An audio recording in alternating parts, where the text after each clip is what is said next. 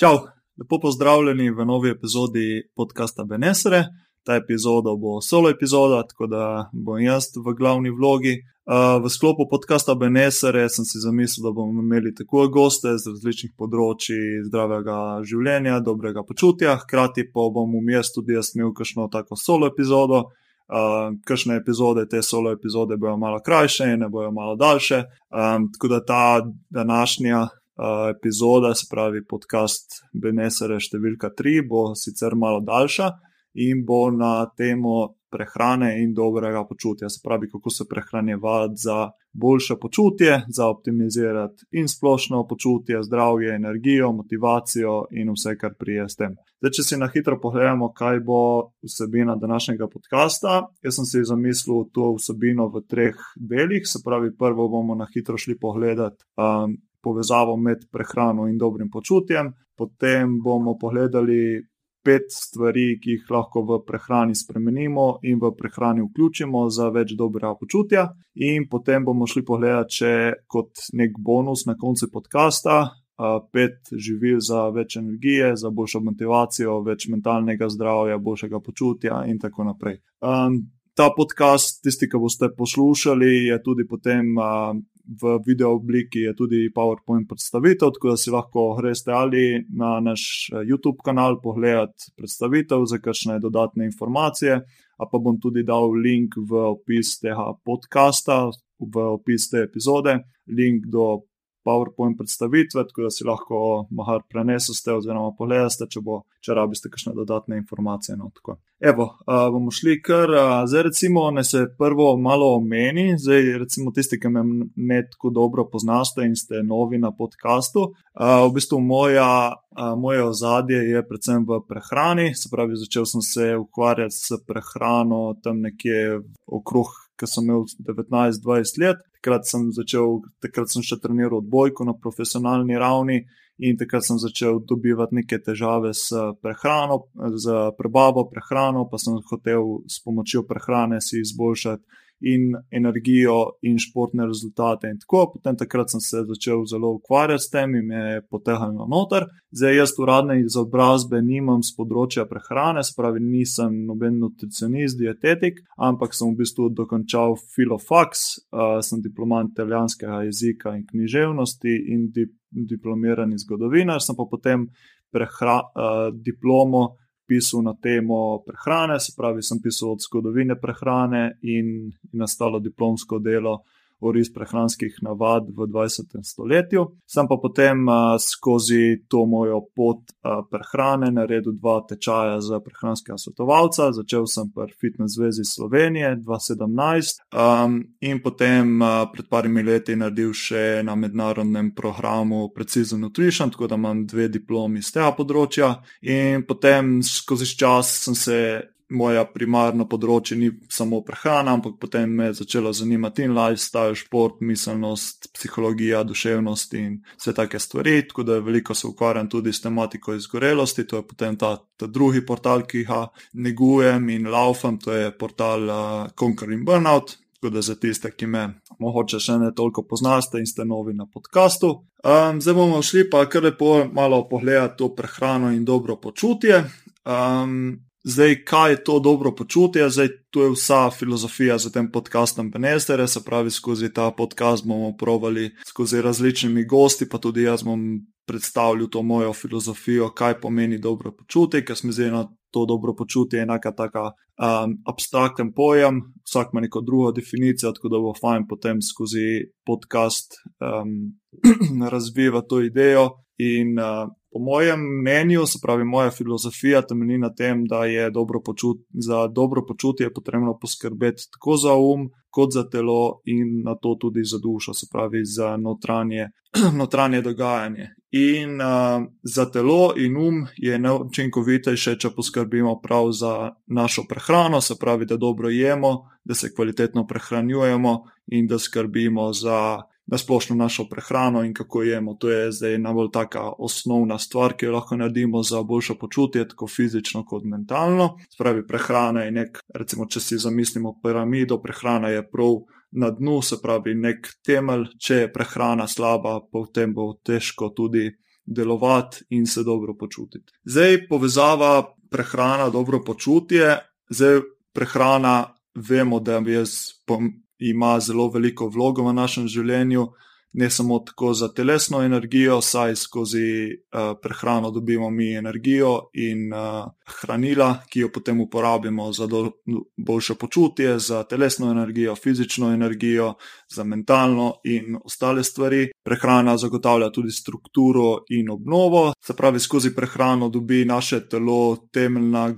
Temeljne gradnike, s katerim se naša, naše telo obnavlja, se zdravi, celi in uh, dobi energijo in vse te stvari. Uh, prehrana je pomembna tudi za delovanje hormonov in neurotransmiterjev, se pravi, pri strukturi obnovi so najpomembnejše te beljakovine, te so glavni gradniki, medtem ko za delovanje hormonov in neurotransmiterjev so v večini primerov pomembne tako maščobe kot oglikovi hidrati. Potem pomembna prehrana tudi za energijo za možgane. Možgani so med vsemi organi in mišicami v našem telesu najbolj potraten organ in mišica, se pravi, ne glede na njihovo velikost, da so malo manjši, so največji porabniki energije, tako da je pole uh, prehrana neposredno vpliva na to, koliko je mentalne in uh, energije za možgane bomo imeli. In zadnja točka je potem tudi prehrana, je zelo pomembna za naše mentalno in duševno zdravje skozi, to, skozi ta podcast bomo videli neke povezave med duševnim zdravjem in prehrano, kako lahko prehrana neposredno vpliva na naše duševno zdravje, mentalno zdravje, kako se počutimo v sebi, v glavi, v duši. Tako da tudi to je en tak aspekt, ki pogosto ne vemo za njega, oziroma se ga ne zavedamo. Zdaj, prehrana danes, to je zdaj problematika prehrane dan danes, je en tak čuden položaj, ima prehrana danes. Po eni strani se vsi zavedamo njenega pomena, se pravi, pomena in za našo splošno energijo, za počutje, športno, športni performance, obnovo in to. Hkrati pa smo tudi v poplavi informacije, se pravi, z razvojem interneta, socialnih omrežij in ostalih medijev, imamo na razpolago na dlani en kup različnih informacij. In to, to po eni strani je dobro, ker si lahko vsak posameznik postane pismen, oziroma se lahko vsak posameznik nauči o teh stvareh, po drugi strani pa je potem težava, ker ne vemo, komu zaupati in um, katere informacije izbirati, da se bomo pravilno odločili. Um, posledica tega je prevelikega števila informacij, to, da smo pogosto zmedeni, se pravi, ne vemo točno, komu verjeti, kaj je zdravo, kaj ni zdravo. In to vse skupaj potem ustvarja neko zmedenost, in v bistvu včasih se zgodi tudi, da se nam prehrana malo prizomeri. Tudi meni je, recimo, ko poslušam kakšne prehranske de debate, um, se mi kar malo zameri ta prehrana, ker vsak ima toliko različnih, različnih mnen in ta mnenja so pogosto kar tako malo ekstremistična. In um, tako da ja, po eni strani je da nas prehrana kar en tak čuden položaj. No. Um, zdaj, zakaj je tako problematična prehrana danes? Se pravi, na eni strani imamo to individualno raven, se pravi, to so razni strokovnjaki, influencerji, ki imajo neko svoje mnenje o prehrani in potem skozi svoj vpliv širijo neke um, informacije in znanje o prehrani. Um, problematično je tudi, ker je skoraj vsak ima neka svoja dognanja in osebne preference, ki jih potem uh, skozi uh, svoje širjenje informacij o prehrani zavedno ali nezavedno širi. Um, tudi tu je velik vpliv, ker imajo v bistvu um, osebne filozofije, imajo velik vpliv na to, kaj, kaj nek strokovnjak misli o prehrani, pa ne. Uh, velik problem so tudi študije, po eni strani so študije najbolj verodostoven uh, vir informacij, spravi skozi študije najlažje vidimo, kaj je nekaj zdravo na dolgi rok, pa ne. Po drugi strani pa se da študijami tudi veliko manipulirati, se pravi, obstaja bazen, velik bazen kot morje enih študij sa področja prehrane in v tem bazenu študij lahko vsak, skor za vsako svojo trditev najde neko študijo in jo potem s pomočjo študije to trditev, se pravi, argumentira. Um, se pravi, po eni strani so študije najbolj verodostojen vir informacij, vendar niso vse študije enako narejene, nekatere so malo bolj kvalitetne, nekatere manj kvalitetne in ravno to potem ustvarja tudi neko. Um, zmedenost, bi rekel, ker vsak, se pravi, vsak prehranski kamp lahko potem skozi različne študije interpretira in overodostoji uh, svoje informacije in tisto, kar trdi. Problem dan danes so tudi diete, spravi imamo različne en kup različnih diet, nekatere so bolj tiste, ki so na kratki rok, se pravi, so popularne za določeno časovno obdobje, potem so nekatere, ki so že veliko časa. Zdaj, problem pri dietah je to, ker nekatere za nekatere posameznike delujejo, za nekatere posameznike ne delujejo. In v bistvu je problem pri dietah to, da jih širijo posamezniki, ki so z njimi veliko krat dosegli veliko rezultatov, in spet smo pri tem, da so neke osebne preference od zadaj, se pravi, ti potem strokovnjaki širijo te diete na podlagi tega, da jim je njim pomagalo, da so videli rezultate pri sebi in pri drugih strankah. Kar pa ni vedno verodostojno, se pravi, včasih um, nekatere diete za nekoga bo, bojo uh, funkcionirale, za, za nekoga ne. Tu je spet ta problem indi, indi, individualnosti, se pravi, smo, ljudje smo med sabo zelo različni, nekaj, kar bo meni pomagalo, recimo tebi ne bo pomagalo, in obratno. Tako da diete so tudi en tak velik problem dan danes. Tudi potem pridejo na vrsto dopolnila, se pravi, po eni strani so dopolnila zelo priročna, se pravi, dopolnjujejo našo prehrano in jo izpopolnjujejo kar ne moremo dobiti iz naše prehrane, si potem zagotovimo z dopolnili. Po drugi strani so pa dopolnila tudi en biznis, se pravi, nekatera podjetja oglašujejo svoje dopolnila, da bojo uh, rešila vse zdravstvene probleme in težave ljudi, kar je spet en ekstrem, ampak se moramo zavedati, da dopolnila, kot že samo ime pove, so dopolnjujejo našo prehrano, se pravi, dopolnila ne morejo rešiti naših problemov, naših zdravstvenih držav, ampak lahko samo optimizirajo našo prehrano in tako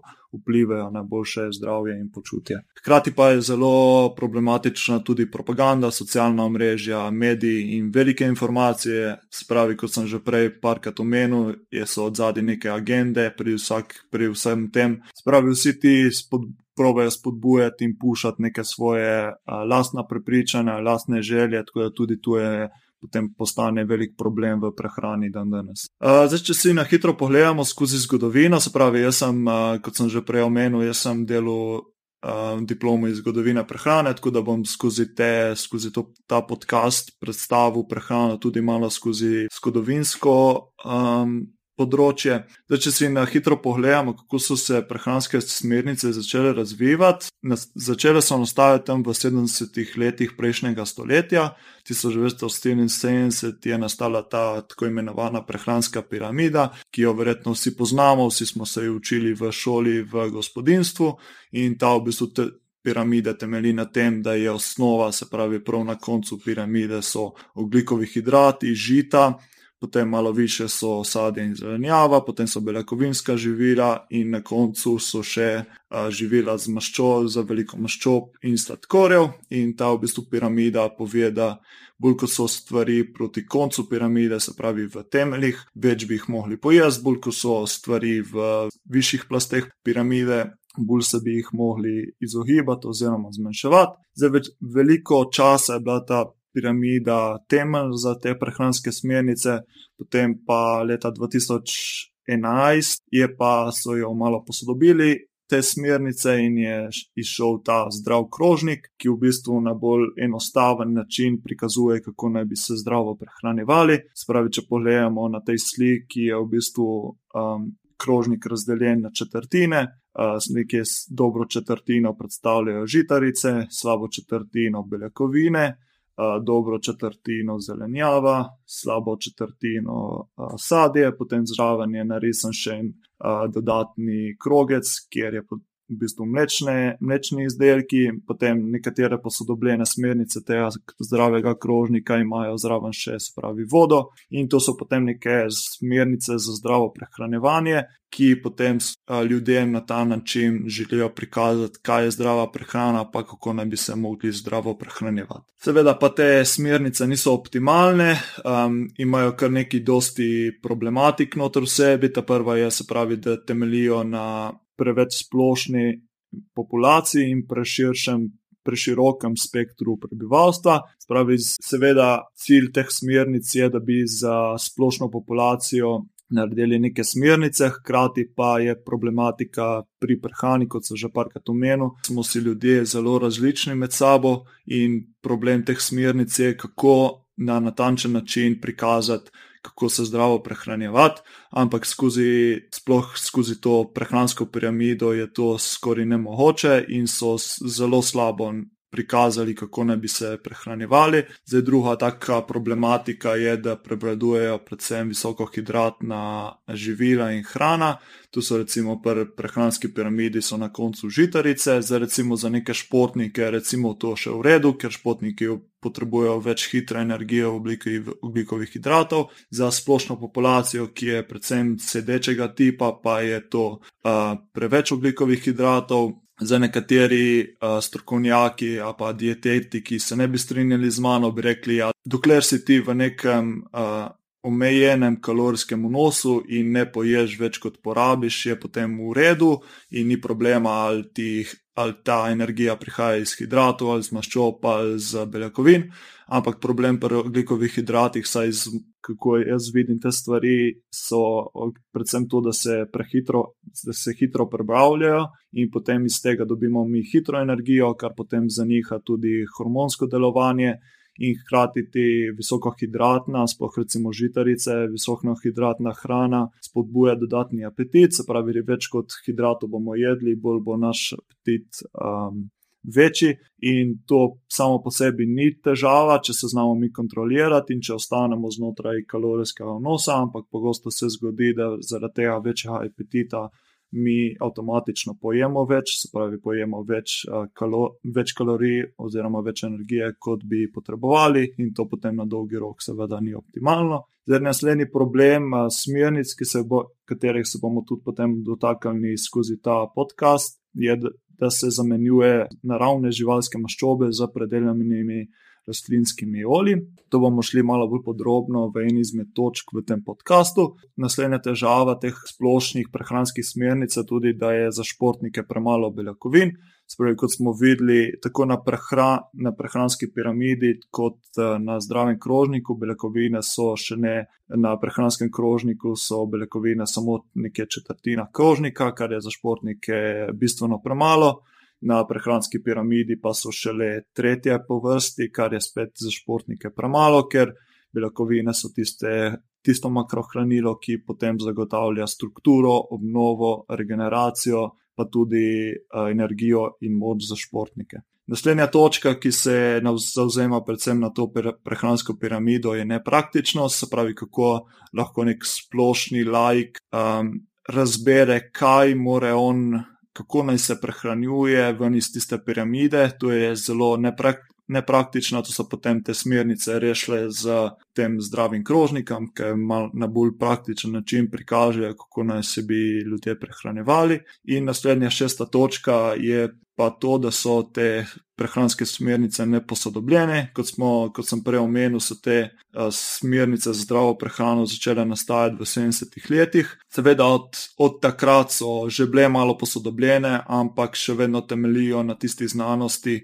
da je treba za optimalno zdravje zmanjšati količino maščob in povečati količino oglikovih hidratov. V nekaterih primerjih je to v redu strategija, v večini primerov, sploh za splošno populacijo, pa to je malo vprašljivo, tako da še vedno te smernice so neposodobljene in bi bilo fajn jih malo posodobiti in uh, vključiti tudi novejše študije, ki so z tega področja. Ok, zdaj na tej točki pa se moramo tudi, uh, bi se bilo fajn vprašati, kaj je to sploh zdrava prehrana. Kot sem že prej omenil, prehrana je zelo težko jo definirati, ker ne zauzema skoraj zgolj ene stvari, enega pojma, ene diete oziroma enega načina prehranevanja. In v bistvu zmeraj je kombinacija večjih stvari, ampak v današnjem svetu se skuša vse poenostavljati, se pravi, vse bazirati in uh, enačiti v en koš. To po eni strani je razumno, ker pač hočemo vzpostaviti neke splošne smernice, neka splošna, splošna pravila za čim večji krok prebivalstva, ampak žal v večini primerov to ne učinkuje in nikoli ni nič črno-belo. Tako da je zmeraj fajn pogledati, nek, imeti nek celostni pogled na stvari in na prehrano in na druge stvari v, v življenju. Spravi, vedno moramo stvari postaviti v perspektivo, pogledati stvari z večjih zornih kotov. Spravi, tudi pri prehrani, recimo, je fajn, da kdaj uh, id pogledati v različne pole in pole tudi malo poslušati, kaj um, različne skupine menijo recimo, tle lahko izpostavim, lahko dam primer, recimo na eni strani veganstvo, na eni strani uh, nizko, nizkohidratna prehrana, ki so res, se mi zdi, ena taka dva pola ekstrema, ki so tudi um, do, dosti popularna v, v svetu prehrane. Tako da včasih je fajn, da gremo recimo pogledati in poslušati, kaj menijo vegani, kaj menijo nizkohidratnovci, in potem eh, jih poslušati, in oba pola, in potem si ustvariti neko svoje mnenje. Na ta način si lahko lažje ustvarimo nek celostni pogled na prehrano in si ustvarjamo tudi neko svoje mnenje o teh stvarih. Spravi, kaj so še neke druge stvari, ki vključujejo celostni pogled na prehrano, to je recimo tudi tradicija. In zgodovina, se pravi, kako so naši predniki, pa kako se, kako se je skozi zgodovino jedlo, tudi to je tak dober pokazatelj, kaj je neka zdrava, optimalna prehrana. Potem naslednja točka je seveda znanost, se pravi, neke kvalitetne študije, metaanalize, klinične preiskave, tu pogosto, oziroma v večini primerov, dajo najboljši pogled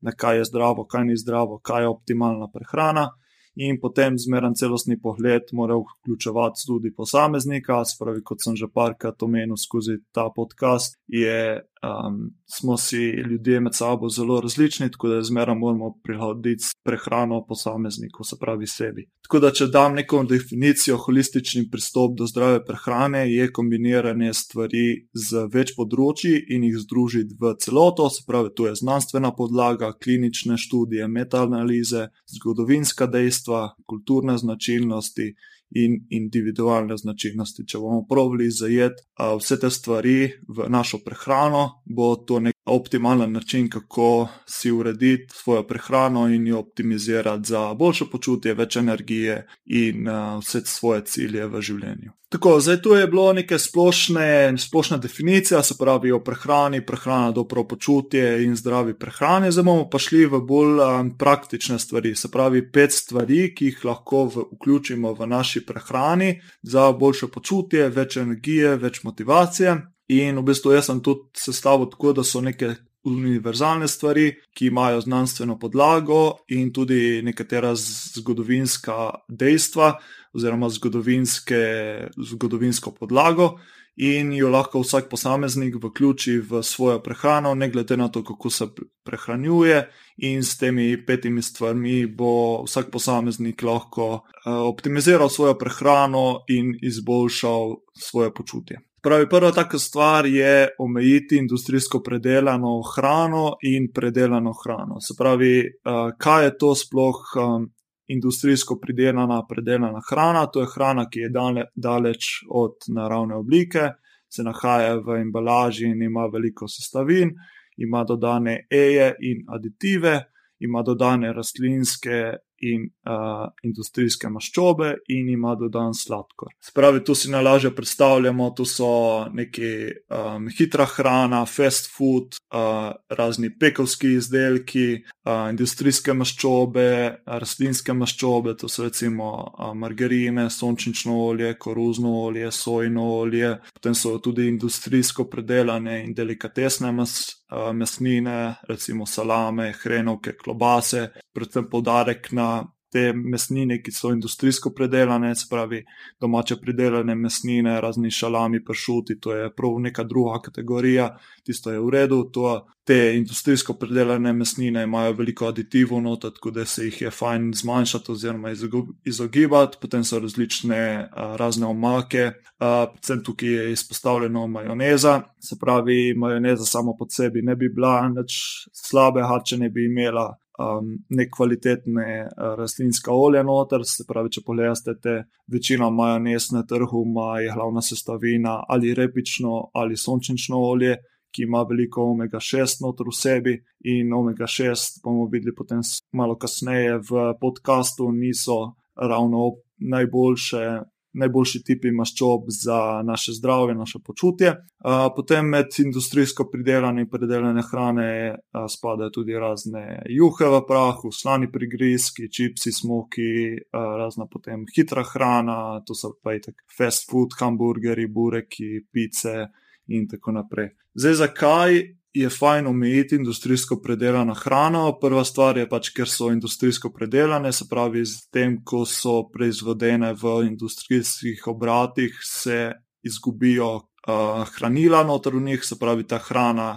Pravimo, da so prazne kalorije, se pravi, ko jemo to hrano, dobimo neko energijo, se pravi, dobimo kalorije, kilojoule, ampak po drugi strani pa ne dobimo vitaminov, mineralov in raznih drugih uh, hranil, ki jih naše telo potrebuje za proizvedbo energije. Ta hrana tudi pospešuje vnetje v telesu, um, tudi pri vnetju se bomo ustavili malo kasneje, ampak recimo vnetje v telesu je en tak, ena taka stvar, ki na dolgi rok spodbuja tvorjenje bolezni in uh, zmanjšuje naše dobro počutje, tako da je fajn, da se vnetje drži eh, čim niže, oziroma na minimalno. In potem tretja stvar je tudi, eh, nekatere študije eh, dokazujejo, da je povezava med modernimi težavami in bolezni in visoko visokim vnosom industrijske predelane hrane. To bomo videli tudi malo kasneje.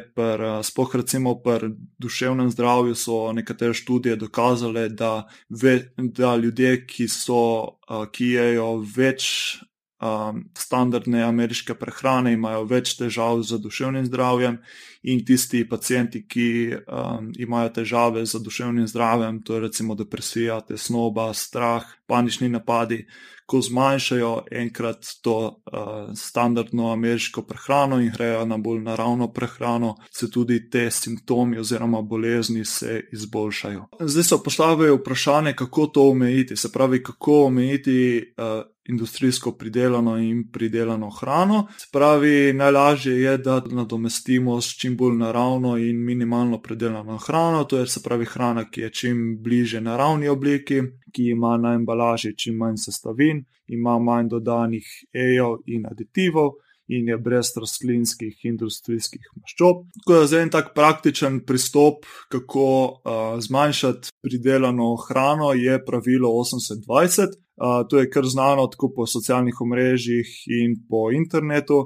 V bistvu to pravilo 80-20 temelji na Paretovem pravilu oziroma Paretovem zakonu na čelu in je v bistvu pove nam to, da je 80% naravne hrane, se pravi malo predelane hrane, in potem 20% ostalega, se pravi povedano drugače, v 80%, 80% hrane, 80% obrokov, 80% vsega predstavlja zdrava hrana, potem pa 20% ostalega. To recimo, kako bi to izgledalo v praksi, recimo, če imamo uh, pet obrokov na dan recimo tri glavne, zajtrk, kosilo, večerja in vmes pole še dve malci. Tu pole na tedenski ravni rata 35, se pravi 5x7 je 35, 80% tega je se pravi 28, se pravi od 35. 35 obrokov imamo 28 zdravih obrokov, ostalih 20% pa je recimo malo manj zdravih, oziroma lahko sebujejo ti obroki malo več te industrijsko predelane hrane. Zdaj, recimo na PowerPointu, tisti, ki ste zdaj na YouTubu, oziroma tisti, ki poslušate, boste vedeli, sem dal eno tako sliko, kako bi to izgledalo na tedenski ravni. Se pravi, teh sedem a, malo manj zdravih obrokov, če jih tako lahko imenujemo, so potem razdeljeni po celem tednu. Recimo v ponedeljek zvečer si lahko prvoščimo potem en sladoled, recimo pole v četrtek za malco pojemo en hamburger, za v petek, ker je petek, se pravi, si za večer privoščimo pivo in, in pico. Potem v soboto zvečer si privoščimo kozarc vina in zjutraj za zajtrk palačinke in potem še v nedeljo za kosilo eno veliko pico. Um, po eni strani se tu zdi fulejnih, uh, nezdravih obrokov in zaradi tega, da je naša prehrana nezdrava, ampak če pogledamo malo bolj tako praktično, oziroma malo bolj analiziramo, vidimo, da je teh sedem obrokov predstavlja samo 20% naše prehrane,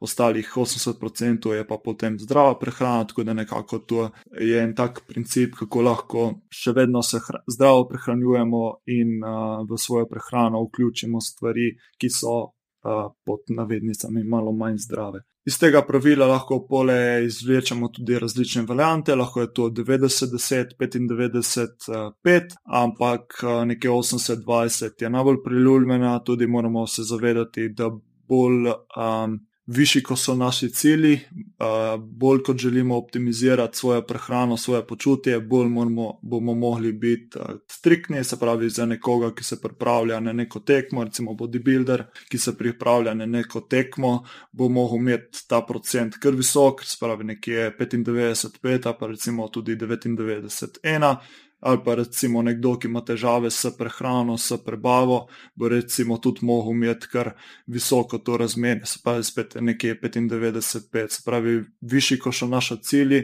več bo moglo jeti v to, da smo konsistentni in disciplinirani. Tako, zdaj naslednja točka je, kako izboljšati uh, svoje dobro počutje s prehrano, je to, da omejimo rastlinska olja. Zdaj se bom prvo dotaknil skozi zgodovino, zakaj rastlinska olja niso ravno najboljša za našo splošno počutje, zdravje in tako. Nekje do sredine 20. stoletja so ta rastlinska olja se zelo malo uporabljala v večini so bila naravno, so se uporabljala samo tista naravno prisotna in naravno pridobljena, to so recimo olivno olje, sezamovo olje, bombažno, sojno in eh, sončnično olje. In do takrat so se predvsem uporabljala živalska maščoba, eh, se uporabljala, se pravi, so, bila svinska mast, loj, maslo in smetana potem v 60-ih letih prejšnjega stoletja pa so se začele ta živalske maščobe začele zamenjevati z rastlinskimi olji. Uh, to je bil razlog za tem, je bil predvsem strah pred nasičenimi živalskimi maščobami, ker v tistem času so začele izhajati vedno več teh novih študij, ki so kazale na to, da nasičene maščobe povzročajo srčno-žilne bolezni, rak in ostale kronične bolezni, ki so takrat začele nastajati. In v bistvu zaradi tega se je zgodil ta premik iz rastlinskih, živalskih maščob na rastlinska olja. Zdaj, recimo, tle v, pri nas se uporablja veliko sončničnega olja, in tle sem zdaj, recimo, dal, sem dobil neke podatke. V uporabi uh, sončničnega olja v Evropski uniji. Spravi v prehranski industriji je bila med leti 2000 in 2020 poraba sončničnega olja se povečala za kar štirikrat, za domačo uporabo se je v istem časovnem obdobju enkrat povečala in v primerjavi z maslom je bila leta 2019 poraba sončničnega olja kar 2,4 krat višja od masla. Um, zdaj, zakaj so rastlinska olja problematična? Um, v bistvu prva stvar je to, ker ustvarjajo v telesu unetja. Kot sem že prej omenil, to unetje je strokovnjaki uh, menijo, da je unetje eden izmed glavnih razlogov za moderne in kronične bolezni. To predvsem zato, ker ustvarjajo neke uh, unetne procese v telesu, ki potem lahko pripeljejo, oziroma na dolgi rok pripeljejo v kronične bolezni. Ta, to unetje si lahko predstavljamo kot nek požar, v našem telesu in telo mora uložiti veliko resursov in veliko energije in ostalih procesov v to, da ta požar pogasi. Pri unetju ni vse unetje slabo, poznamo tisto kronično unetje in akutno unetje. Pravi, akutno unetje je tisto unetje, ki je zelo intenzivno, ampak kraj traja zelo kratek čas to je recimo unetje iz treninga ali pa unetje recimo iz kakšnega čitobroka. Ta tip unetja potem naredi telo močnejše na dolgi rok in potem imamo tudi na drugi strani to kronično unetje. Kronično unetje pa unetje, ki traja dolgo časa in je manj intenzivno, pa ki je stalno prisotno in v bistvu to kronično unetje na dolgi rok pripelje do raznih bolezni in težav. To isto kot pri stresu recimo kratek akutni stres v obliki treninga, pa recimo hladne kopeli, savne, je za naše telo, ko bi reklo, je beneficial, se pravi, naredi naše telo močnejše, ga okrepi. Kroničen stres pa je stres, ki traja dolgi, dolg čas in je uh, stalno aktiviran, tisto, tisti stres pa nas na dolgi rok slabi in povzroča razne težave. Spravi, glavni ro, razlog za unetje je prav uh, vsebnost omega-6 omega maščobnih kislin, se pravi vsa ta rastlinska olja od sončničnega, sojnega, uh, koruznega. um, kanola, oil in vse to vsebuje veliko omega-6 maščobnih kislin, ki v telesu delujejo vnetno, spodbujajo krčenje žil, starevanje krvi, spodbujajo bolečine, oženje dihalnih poti in ostale, in vse te stvari potem na dolgi rok povzročajo težave in slabo počutje. Tukaj je potem tudi pomembno, da se pravi, da se je čim več omega-3 maščobnih kislin, ki a, naredijo kontraefekt omega-6 maščobnih kislin omega-3 bomo rekli nekaj uh, več potem na koncu, ampak je pomembno to razmerje med omega-6 in omega-3. Spravi optimalno ne bi bilo to, strokovnjaki pravijo, ne bi bilo to razmerje med omega-3 in omega-6 nekje 1 proti 5, 1 proti 10. Uh, v našem modernem svetu pa zaradi uporabe teh rastlinskih olj in uh, industrijsko predelane hrane in zdravih, nezdravih maščob, pa je to razmerje 1 proti 100, 1 proti 1000 kar uh, ni optimalno. No. Zdaj, kako uh, omejiti uporabo rastlinskih olj, je prvo to, je, da jih nadomestimo ta rastlinska olja z, z drugimi zdravimi olji in maščobami. To je recimo primer, da sončnično, repično, koruzino, koruzno, sojno, arašidovo ali margarino nadomestimo z zdravimi olji, to je recimo olčno olje, avokadovo olje, kakavovo olje ali pa a, maslo, svinska mast. Nekateri tudi medijo, da je recimo olje oljne ogrščice, a, da je tudi zdravo, ampak a, po drugi strani pa jaz nisem prav prepričan, se pravi, rajš um, kot neko olje, ki je industrijsko pridobljeno, rajš izbiramo neka naravno pridobljena olja ali kakšno olčno olje, recimo kokosovo olje, svinska mast a pa maslo, se mi zdi, da je še vedno malo boljše kot um, neko industrijsko pridelano olje. In potem naslednja točka je, da se, kot recimo pri prejšnjem, da se spet temeljimo na pravilu 80-20, se pravi 80% zdravih maščob in olj, in potem 20% ostalega. Tako, zdaj naslednja, tretja stvar, ki jo lahko naredimo za več dobrega počutja, je, da omejimo vnos sladkorja. Se pravi, pri sladkorju so polemike, ali je sladkor škodljiv ali ne. Imamo, načeloma imamo dva pola. Prvi pol je tisti, ki so mnenja, da sladkor povzroča številne zdravstvene težave, od debelosti, sladkorne bolezni in diabetisa, srčno-žilnih bolezni, zobne gnilobe, rakavih obolenj in bolezni z unetnimi vzroki.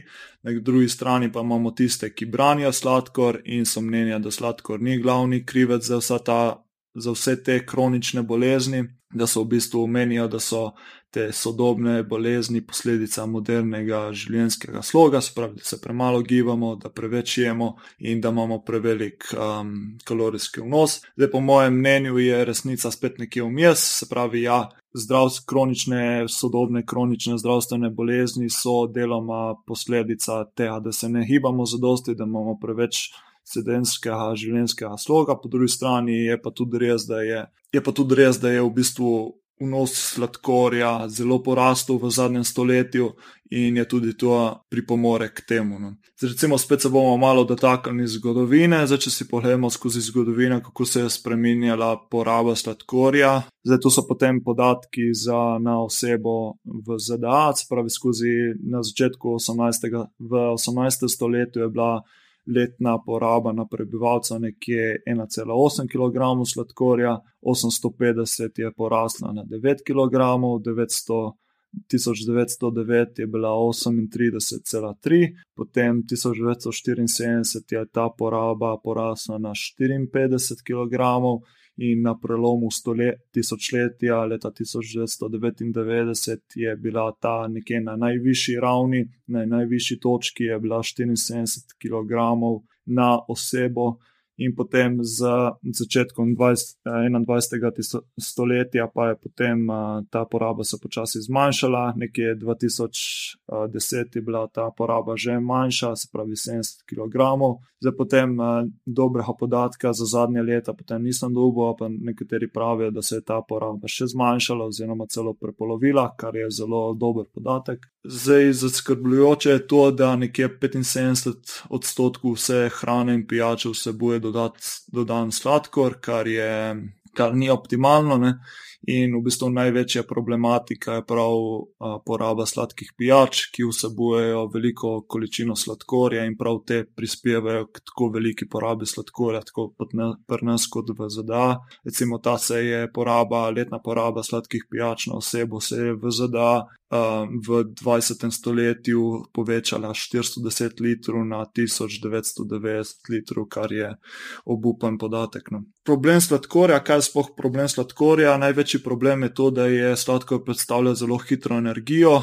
Uh, ta energija se v sladkor se zelo hitro pretvori v energijo, zelo pole, posledično naš krvni sladkor zelo hitro narase, porase in potem zelo hitro se tudi spusti to potem za sabo prenese en kupenih eh, težav, se pravi, uh, ko smo na tem, se pravi, na, na piku, se pravi, na vrhuncu tega uh, krvnega sladkorja, se počutimo dobro, se počutimo zagnani, enf, uh, enforik, kako bi rekli, ne? in potem, ko. Nam ta sladkor pade, se pa počutimo slabo, brezvoljno, um, in tako naprej to nihanje krvnega sladkorja ne vpliva samo na energijo in našo počutje, ampak tudi na apetit. In pa tudi v bistvu včasih se ta neporabljena energija iz sladkorja shrani v maščobo na telesu, kar na dolgi rok seveda ni optimalno. Naslednji problem sladkorja je, ker so to prazne kalorije, spravi kot tisto, ko smo rekli že prej pri industrijsko predelani hrani, je, da to so prazne kalorije, se pravi z njimi dobimo neko energijo, neko zalogo energije, kalorije, ki jih naše telo potem porabi za energijo, hkrati pa ne dobijo nič mikrohranil, ki jih tudi telo naše potrebuje za uh, optimalno delovanje in tako naprej. In nekatere študije, pole tudi, oziroma študije strokovnjaki, tudi so potem mnenja, da uh, sladkor tudi pospešuje vnetje v telesu. In kot smo že prej videli, vnetje v telesu ni dobro ne za splošno počutje, ne pa pole tudi, tudi za dolgo zdravje. In potem še ena težava sladkorja je tudi to, da, da ima negativen vpliv na ravnovesje v našem črvesju. Um, to problematiko črvesja oziroma pomena črvesja se bomo dotaknili v naslednjih točkah, uh, ampak uh, v bistvu sladkor pogosto naredi to, da nahrani slabe bakterije v našem črvesju kar potem negativno vpliva na celotno zdravje črvesja in prebave, kar potem negativno vpliva in na naše splošno počutje, kot na potem naše zdravje. Zdaj, kako omejiti vnos sladkorja, se pravi, prva taka stvar je spet, da jo nadomestimo vir sladkorja z naravnim vir sladkorja, to je recimo sadje, ki ima naravni vir sladkorja, ima zraven še vlaknine in vodo ki potem upočasnijo prebavo in nas tako nasitijo, da ne pojemo preveč. Uh, potem spet, da nadomestimo ta uh, visoko sladkorna živila za alternative, ki vsebujejo naraven sladkor oziroma manj sladkorja. Se pravi, namesto navadne milka čokolade, ki vsebuje veliko sladkorja, lahko izberemo čokolado z višjim procentom kakava. To je recimo čokolada z 80, 85, 90% kakava, pa recimo navadnega, namesto navadnega sadnega jogurta, ki vsebuje veliko sladkorja, lahko izberemo jogurte in mlečne izdelke, ki vsebujejo višji procent beljakovin, to so recimo skir, grški jogurt, skuta in potem dodamo nekaj sadja za sladkobo, pa recimo na mesto navadnih kosmičev za zajtrk, ki vsebujejo veliko sladkorja, veliko nezdravih maščob in raznih aditivov, zbiramo vse ne kosmiče in si damo noter potem mogoče merica beljakovin za dodatne beljakovine in za okus, pa še malo a, sadja damo zraven za, se pravi, naraven vir sladkorja. A, na mesto pijač, ki vsebujejo veliko količino sladkorja, lahko potem izberemo brezkalorične pijače in na mesto sladkorja v peki oziroma za slajenje lahko uporabljamo potem naravna sledila, uh, kot so recimo eritritol, stevia, monk fruit in tako naprej. In potem naslednja stvar je, da, uži, da pravimo uživati sladkor okoli telesne oziroma miselne aktivnosti. Um, tu se predvsem za kakšne športnike se veliko priporoča, priporoča sladkor, Spravi, sladkor je zelo dober vir energije, hitre energije, se pravi, športniki in tisti, ki imajo veliko mentalnega dela, bodo koristili bo, in bo sladkor koristil za več energije in dobrega počutja. Ok, zdaj naslednja četrta točka za kako s prehrano izboljšati uh, naše splošno dobro počutje je to, da poskrbimo za naše črvese in našo prebavo. Zdaj pogosto se ne zavedamo uh, pomena in vloge, ki jo ima črvese in prebava za naše ne samo dobro počutje, pa tudi za zdravje. V bistvu črvese in prebava. Njena vloga ni samo uh, prebava hrane in izločanje, temveč ima veliko drugih ključnih vlog. Prva je ta, da je prebava ključna za absorpcijo hranil in energije, se pravi, naša prebava prebavlja hrano in potem skozi prebavni trak se ta hranila, energija absorbira in potem iz tam mi dobimo dobro počutje in več energije. Črevesje in prebava sta tudi kot se reče, drugi možgani, se pravi v črvesju, v moču črvesja in prebava se nahaja tam nekje med 100 in 500 milijonov nevronov, in to naj bi bilo skoraj petkrat toliko, kot jih je v tenjači. Tako da je zanimivo, da recimo nekateri evolucijski znanstveniki so mnenja, da dokler recimo skozi evolucijo človeško, dokler naši možgani niso bili razviti kot so danes, so se naši predniki zanašali predvsem na signale iz črevesja in to izhaja iz tega, da je v bistvu toliko nevronov in toliko nevronskih povezav prav v črevesju in iz tukaj tudi potem izhaja ta angliška fraza gut feeling, se pravi, da se mi orientiramo nekih, od nekih signalih, ki prihajajo iz našega črvesja, iz naše prebave. Um, črvesje in prebava sta zelo pomembna tudi za naše splošno zdravje, se pravi, nekje 80% imunskega sistema se nahaja v našem črvesju, tako da iz tega izhaja to dejstvo, da potem bolj zdrava kot je naša prebava, bolj zdravo kot je naše črvesje, bolj zdravi bomo mi, se pravi, lažje bomo, manj bomo bolani, lažje bomo lažje bomo premagali razne viroze oziroma virusi, bakterije. Hkrati tudi veliko težav z avtoimunimi boleznimi in z kožo izhaja prav iz čreves. Pravi, te avtoimune bolezni in težave s kožo so povezane predvsem z težavo imenovano leaky gut oziroma prepustno črvesje, se pravi zaradi raznih vzrokov, ali je to stres, slaba prehrana, sedenski način življenja in ostali, ostali vzroki lahko naša črvesna stena oziroma črvesna sluznica postane prepustna. Spravi, namesto da bi bilo črvesje trdno, nastane prepustno, v njem nastanejo luknjice oziroma razbitinice in to povzroči, da v bistvu hranila in toksini iz črvesja zapustijo črvesje in grejo direkt v krvni obtok. In to povzroči različne težave in tako z avtoimunimi boleznimi, recimo težave s sklepi, duševno zdravje, kot tudi težave potem s kožo. Črves je tudi pomembno tudi za mentalno in duševno zdravje. Veliko študij dokazuje to povezavo med um, slabim črvesnim zdravjem in duševnimi težavami, se pravi, kadar osebe oziroma posamezniki, ki imajo veliko težav z duševnim zdravjem, kadar porihtajajo, pošlihtajajo svoje črvese in prebavo, se potem tudi te težave izboljšajo. In še zadnja točka, zakaj je črvesje in prebava pomembno za naše splošno počutje, so potem tudi neurotransmitori. Neurotransmitori so v bistvu živčni prenašalci, ki potem ustvarjajo naše počutje. In v bistvu večina teh neurotransmitorjev, to so recimo serotonin, GABA in dopamin, nastanejo prav v črvesju. In če naše črvesje in prebava ne delujejo optimalno, potem tudi uh, naše počutje ni kot bi moglo biti. Tako, zdaj so v bistvu poraja vprašanje, zakaj je sploh tako velik vpliv in uh, vloga. Um, prva stvar je to, da so naši možgani in uh, črevese, da so med seboj, med seboj povezani preko tega imenovanega vagusnega živca. To je v bistvu kot neka dvosmerna cesta, ki potem povezuje črevese in možgane.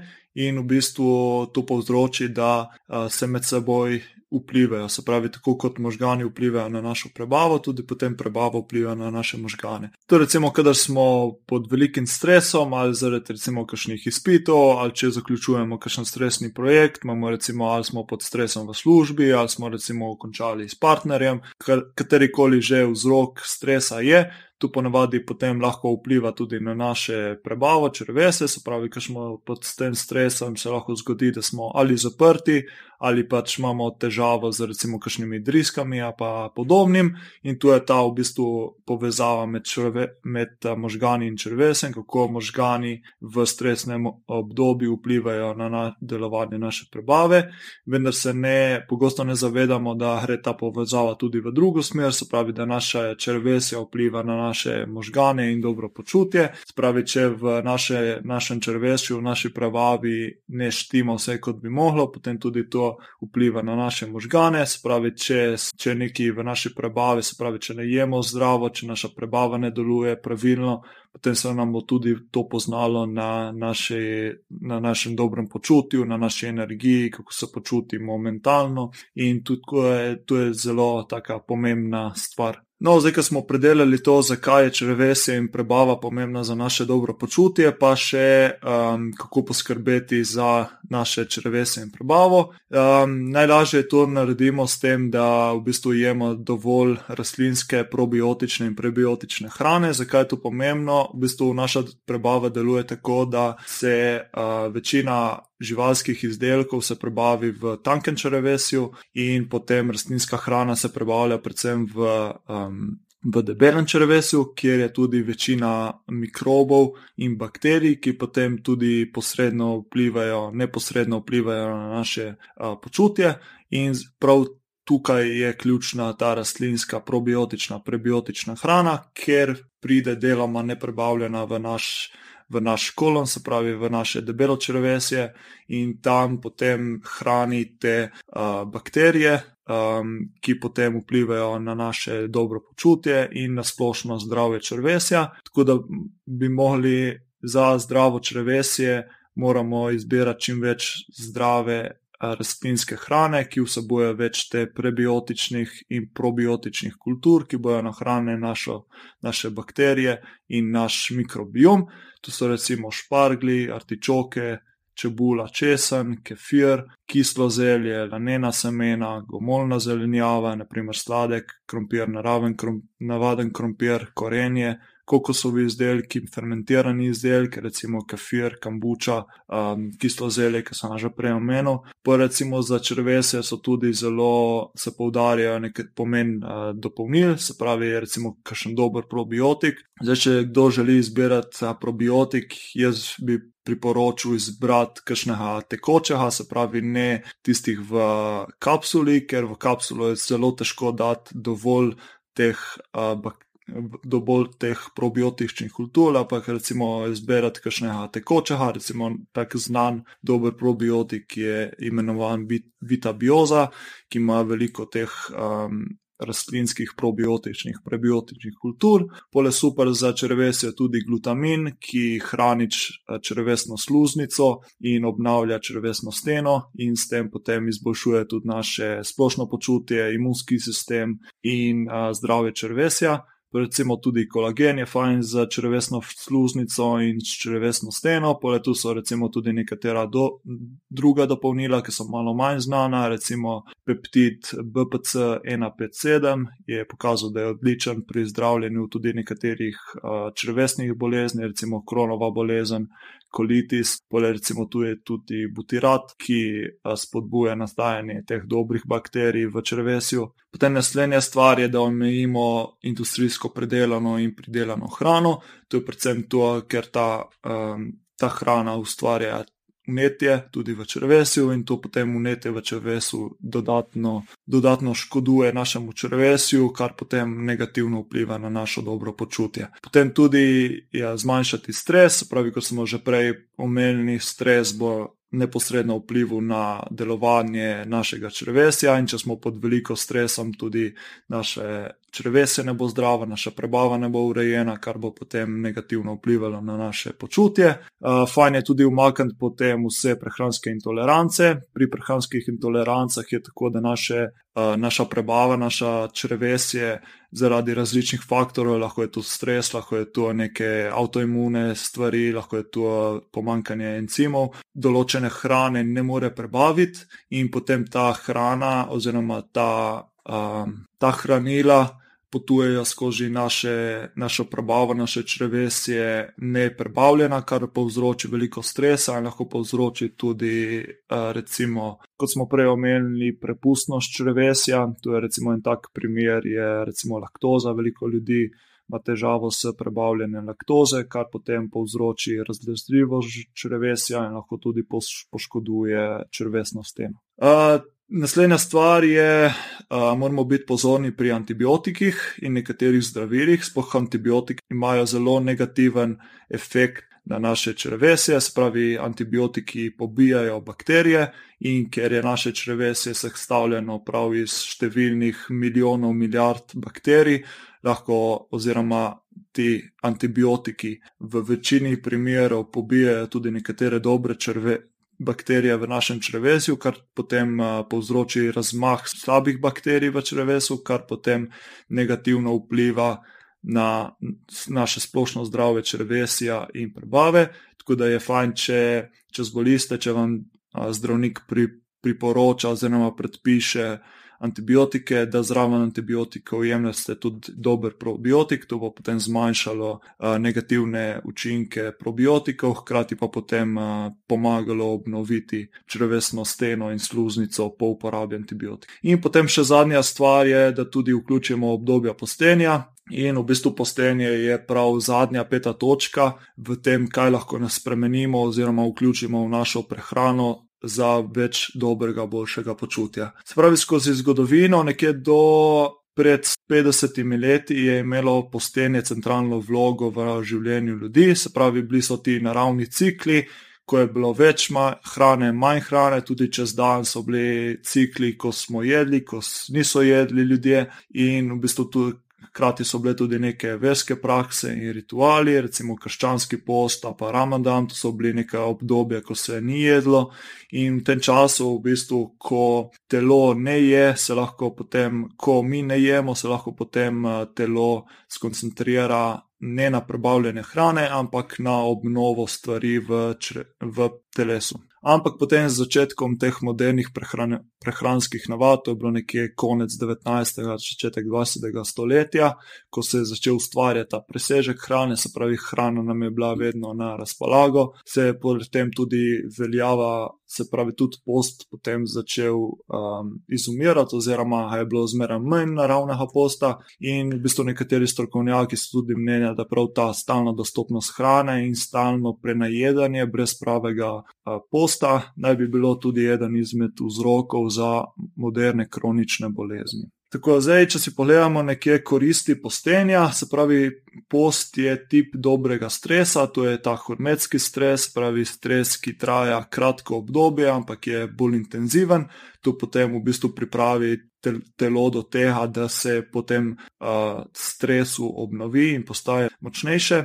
Um, postenje je dobro tudi za dobro počutje energijo, kot sem že prej omenil. Ko telo ne prebavlja hrane, se lahko posveti drugim stvarem, lahko je to zbranost, koncentracija, uh, izboljšano mentalno delo, pa recimo se posveti nekim drugim procesom v telesu, recimo zmanjšanje vnetja, uh, da boljše prebavi hrano, ki je jo predtem jedlo, se pravi, pri tem pomaga tudi pri izboljšanju delovanja prebave in zdravja črvesja. V času postenja se tudi telo potem uh, skoncentrira na razstrupevanje, na autofagijo, in pa postenje tudi um, zelo učinkovito pri hujšanju. Tudi, recimo, zanimive so nekatere študije, ki so primerjali kalorični deficit v dveh skupinah. Nekatera ena skupina je jedla cel dan, ena skupina pa je jedla samo v obdobju 8 ur, in potem um, v bistvu obe skupine so imele enak kalorijski deficit, in na koncu so v bistvu nekatere študije ugotovile, da tiste skupina, ki je jedla samo v časovnem okvirju 8-12 ur, je na koncu izgubila več uh, telesne teže kot tista, ki je jedla cel dan. Tako da tudi za hujšanje je postenje super, predvsem zato, ker se v času postenja dvignejo nekateri hormoni, ki potem pomagajo, da se maščobe telesu, v telesu sproščajo v energijo. Tako, zdaj, kako vključiti postenje v nas vsak dan? Prva taka je um, strategija, je prekinitveni post, v angleščini se to imenuje intermittent fasting. Spravi, to je obdobje v dnevu, ko ne jemo nič, in na to sledi obdobje, ko jemo. To je recimo najbolj tak znan je ta 16-18, se pravi, imamo 16 ur posta in na to 8 ur, ko jemo. Ponovadi je to, se pravi, nadaljevanje nočnega posta, se pravi, po noči tako ne jemo, potem izpustimo zajtrk, trg v angleščini je breakfast, se pravi prekini post. Um, tako da ta recimo metoda, potem spustimo zajtrk in jemo potem nek, začnemo jesti nekje ob 12 in to nekje um, povzroči, da imamo nekje 16 ur posta in na to jemo od 12 do 8 zvečer, kar je ta eating window, se pravi obdobje oziroma obdobje, ko jemo je nekje 8 ur in to lahko nekje vključimo parkrat na teden. Lahko pa se posvet, poslužimo posta tudi v obliki daljšega posta, se pravi, to je bolj kot nek reset uh, za telo, za razstrupljevanje, za prečiščanje. To je nekje od 24 ur pa do nekaj dni in tega se pa ni priporočljivo uh, več kot toliko, se pravi, bolj poredko, nekaj en, enkrat na mesec, enkrat na več mesecev. To je bolj kot neka taka strategija za dodatno prečiščanje telesa in ne za vsak dan. Zdaj pri postu je tudi uh, neko pre, prilagoditveno obdobje, se pravi, če nismo navajeni se postiti, potem tudi naše telo ni navajeno na to in bomo na začetku rabili nekaj časa, da se naše telo navadi. Spravi na začetku se bomo lahko malo slabše počutili, ampak potem s časom, po kakšnem tednu, dveh, se potem naše telo prilagodi in v času posta se počutimo mogoče še, še boljše. Zdaj tudi potem je fajn, da se tega ne dela preveč, se pravi, ker stres sam po sebi je tudi nek vir stresa, se pravi, če smo že pod stresom, um, ni dobro, da vključimo še, velik, še veliko postenja, ker bo to povzročilo še več stresa in nas bo lahko to zlomilo.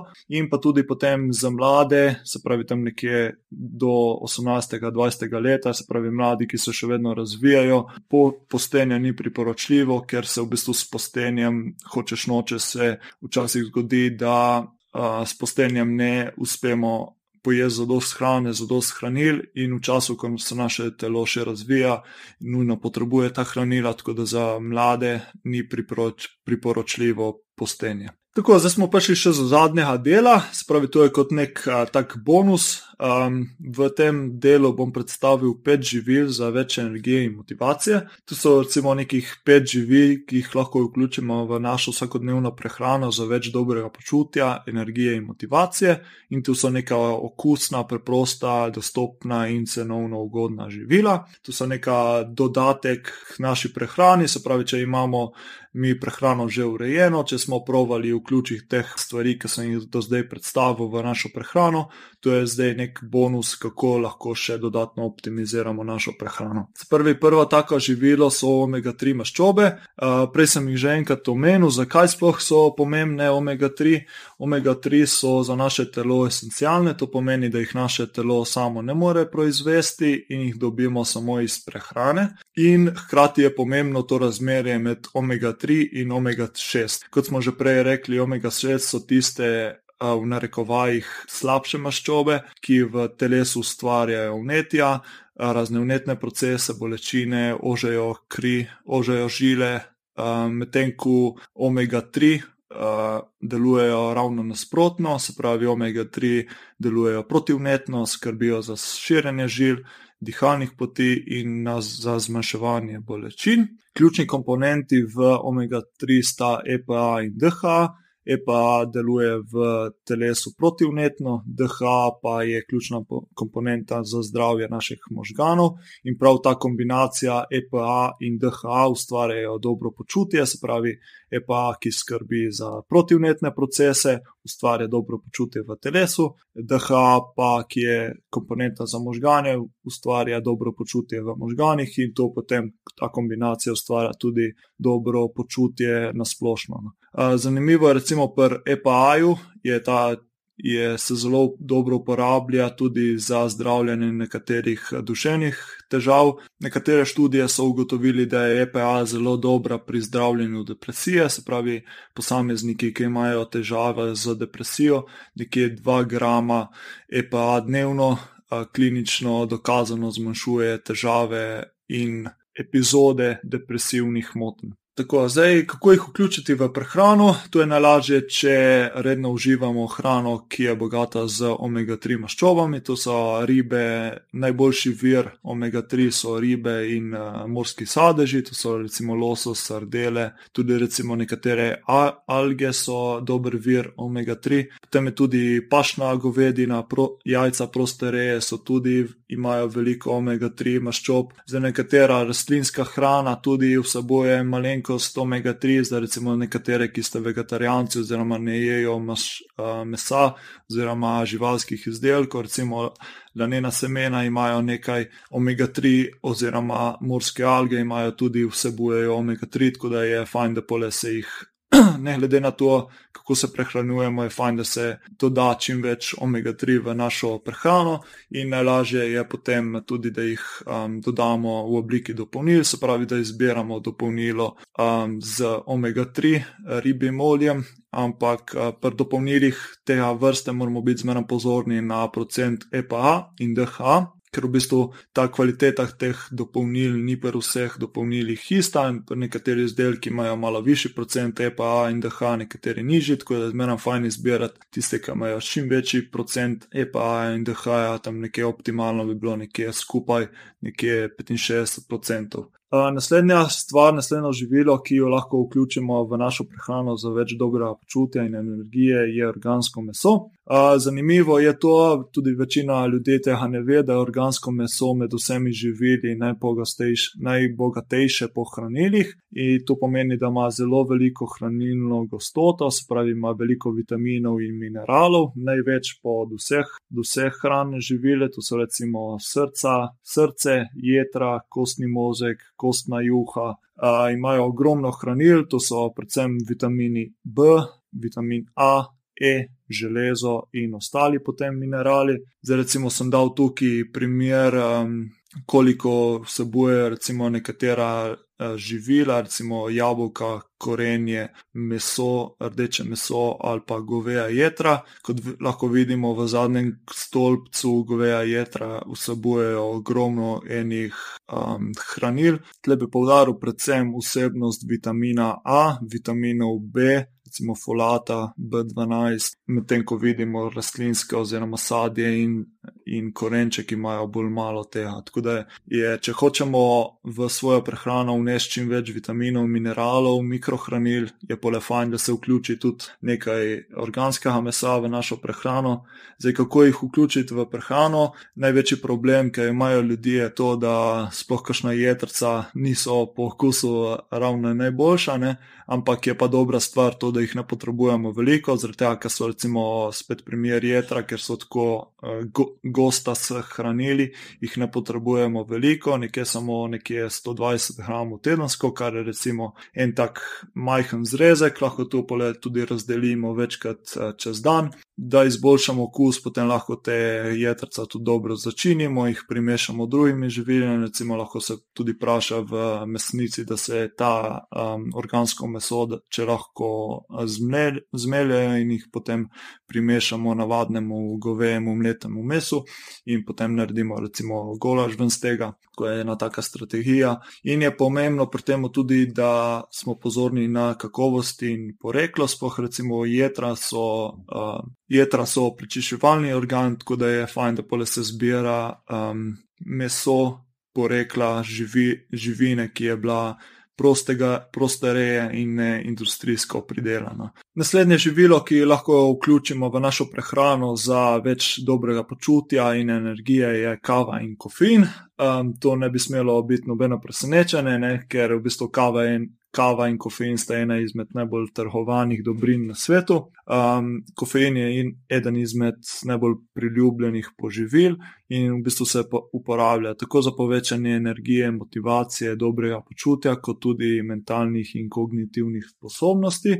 V bistvu prednost kave je tudi to, da ima veliko polifenolov in antioksidantov. Recimo ena taka zanimivost je v Ameriki, ker vemo, da pač je prehrana taka, kot je, večina američanov, ki popije veliko kav, ne, je glavni vir za njih polifenolov in antioksidantov je prav kava. Ne. Tako da po eni strani je to a, malo žalostno, ne, po drugi strani pa vsaj neki malha teh polifenolov in antioksidantov dobijo skozi kavo, ne, če že skozi drugo hrano jih ne dobijo. Kava in kofein pa ima sta tudi pozitiven a, vpliv na zdravje. Nekatere študije so v bistvu pokazale, dokazale, da ima kava pozitivni učinek tako na sladkorno bolezen in diabetes, kot tudi na srčno-žilne bolezni, na metabolizem in hujše hujšanje, povečanje vzdržljivosti, na zdravje jeter in na mentalno zdravje. Kako jih vključiti v prehrano? Zdaj, eh, priporočljiva količina kave in kofeina se zelo razlikuje, to je predvsem odvisno od posameznika nekateri posamezniki so bolj občutljivi na kofein, nekateri malo manj, ampak nekje priporočljiva doza je tam nekje do 300 mg kofeina na dan. Zdaj, za nekaterega bo to full, za nekaterega pa to sploh ne bo čutil, ampak recimo, da se nekje znaste orientirati. Um, espresso ima tam nekje okrog 60 mg kofeina, dolga kava nekje do 120, makijato in kapučino ima tam okrog 90, energijski napitki imajo tam od 90 do 150, spet odvisno od znamke, pa od količine. Potem pri workout izdelki imajo tam nekaj običajno tam 200 do 300 mg, kar je že uh, skoraj na zgornji meji priporočljivega vnosa. Ampak nekje var študije so ugotovile, da je kofein od 1 do 3 grame dnevno tudi varen, da ne rata nobenih zapletov s srcem in ostalo. Uh, najboljše je, da se, ga, da se kofein uporablja pred fizično aktivnostjo in pred mentalnim delom, se pravi, da bo naše telo uporabljalo to kofein za za boljše sposobnosti, kognitivne in fizične. In v bistvu zjutraj je fajn, da se počaka vsaj 90 minut po bujenju, zaradi tega, ker kadar se mi zbudimo, nam narase hormon kortizol in če bomo takoj, ko se bomo zbudili, še spili kavo, bo ta kortizol še bolj narasel, kar bo potem pomenilo, da bo kasneje prišlo do kraša spravi do paca, tako da je fajn počakati vsaj 90 minut, v teh 90 minutah se potem tudi kortizol zmanjša, kortizol pade in ko enkrat kortizol pade, potem lahko nadaljujemo s kofeinom in to bo potem naredilo, da se bomo boljše počutili, da ne bomo imeli take nenadzorovane energije, ki jo mogoče. Povzroči ta kortizol in kava skupaj, in hkrati potem popovdne ne bo te, tako občutnega paca v energiji, ki bi jih ki bi ga lahko povzročila ta kombinacija kortizola in kofeina. In potem je fajn tudi popovdne, da se izogibamo kofeinu, spravi kofein ima čas delovanja tam nekje od 6 do 8 ur, tako da je priporočljivo, da se ga zmanjša oziroma preneha uživati vsaj od tam 2-3 naprej, odvisno tudi, kdaj hodite spat. Recimo, če greste malo prej spat, nekje ob 8 uri, je pa le fajn, da se konča ob 12. že, če recimo hodite ob 10. je potem nekje 2-3, nekje zadnje, zadnje obdobje. Um, za zadnjo kavo, oziroma nekaj kofeinskega.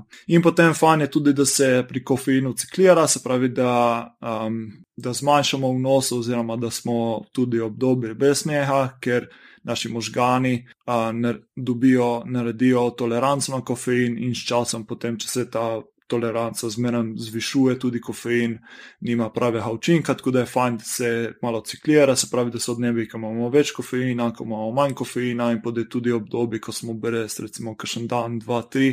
In uh, nekatere študije so pokazale, da recimo že v, po nekaj dneh brez kofeina se naša toleranca na kofein zmanjša in potem lahko spet začnemo s pitjem. Tako zdaj četrto živilo, ki ga lahko vključimo za več dobrega počutja, je temna čokolada. Temna čokolada vsebuje visok delež kakava in kakao je bil odzmeram zelo zdravo in cenjeno živilo. Številno ljudstva so ga uporabljale že od nekdaj in so ga zelo cenila v svoji prehrani. Uh, v bistvu, zakaj, kaj dela čokolado, to, kar je, je v bistvu ta kombinacija uh, polifenolov, flavonoidov in uh, kofeina in magnezija. In to potem ustvarja dobro počutje v nas, uh, izboljšan pretok krvi v možgane, kar po, potem pomeni boljšo koncentracijo, boljše razpoloženje in uh, izboljšanje kognitivnih funkcij. Uh, spet, kot sem že enkrat skozi ta podcast omenil, je fajn, da se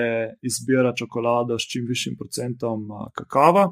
Spravi, višji kot je procent kakava, ali je to vsaj 75, 80, 85, mogoče tudi 90. Višji kot je procent kakava, manj dodanega sladkorja in manj nezdravih maščob in aditivov, da ta čokolada mila. Um, v prehrano lahko čokolado dodamo kot recimo pregrize, kot dodatek jedem. Um, se moramo pa zavedati, da je v bistvu čokolada vsebuje, kakav vsebuje kofein notor sebi, tako da spet moramo paziti, da ne prepozno popovdne oziroma zvečer, ker potem uh, bo to negativno vplivalo na naš spanc in uh, posledično na naše počutje. Še zadnje živilo, ki ga bom tukaj predstavil za več dobrega počutja, je pa MCT olje. Za MCT olje ni tako poznano, ampak recimo je poseben tip olja, ki je naravno prisotno tudi v kokosovem in palmevem olju.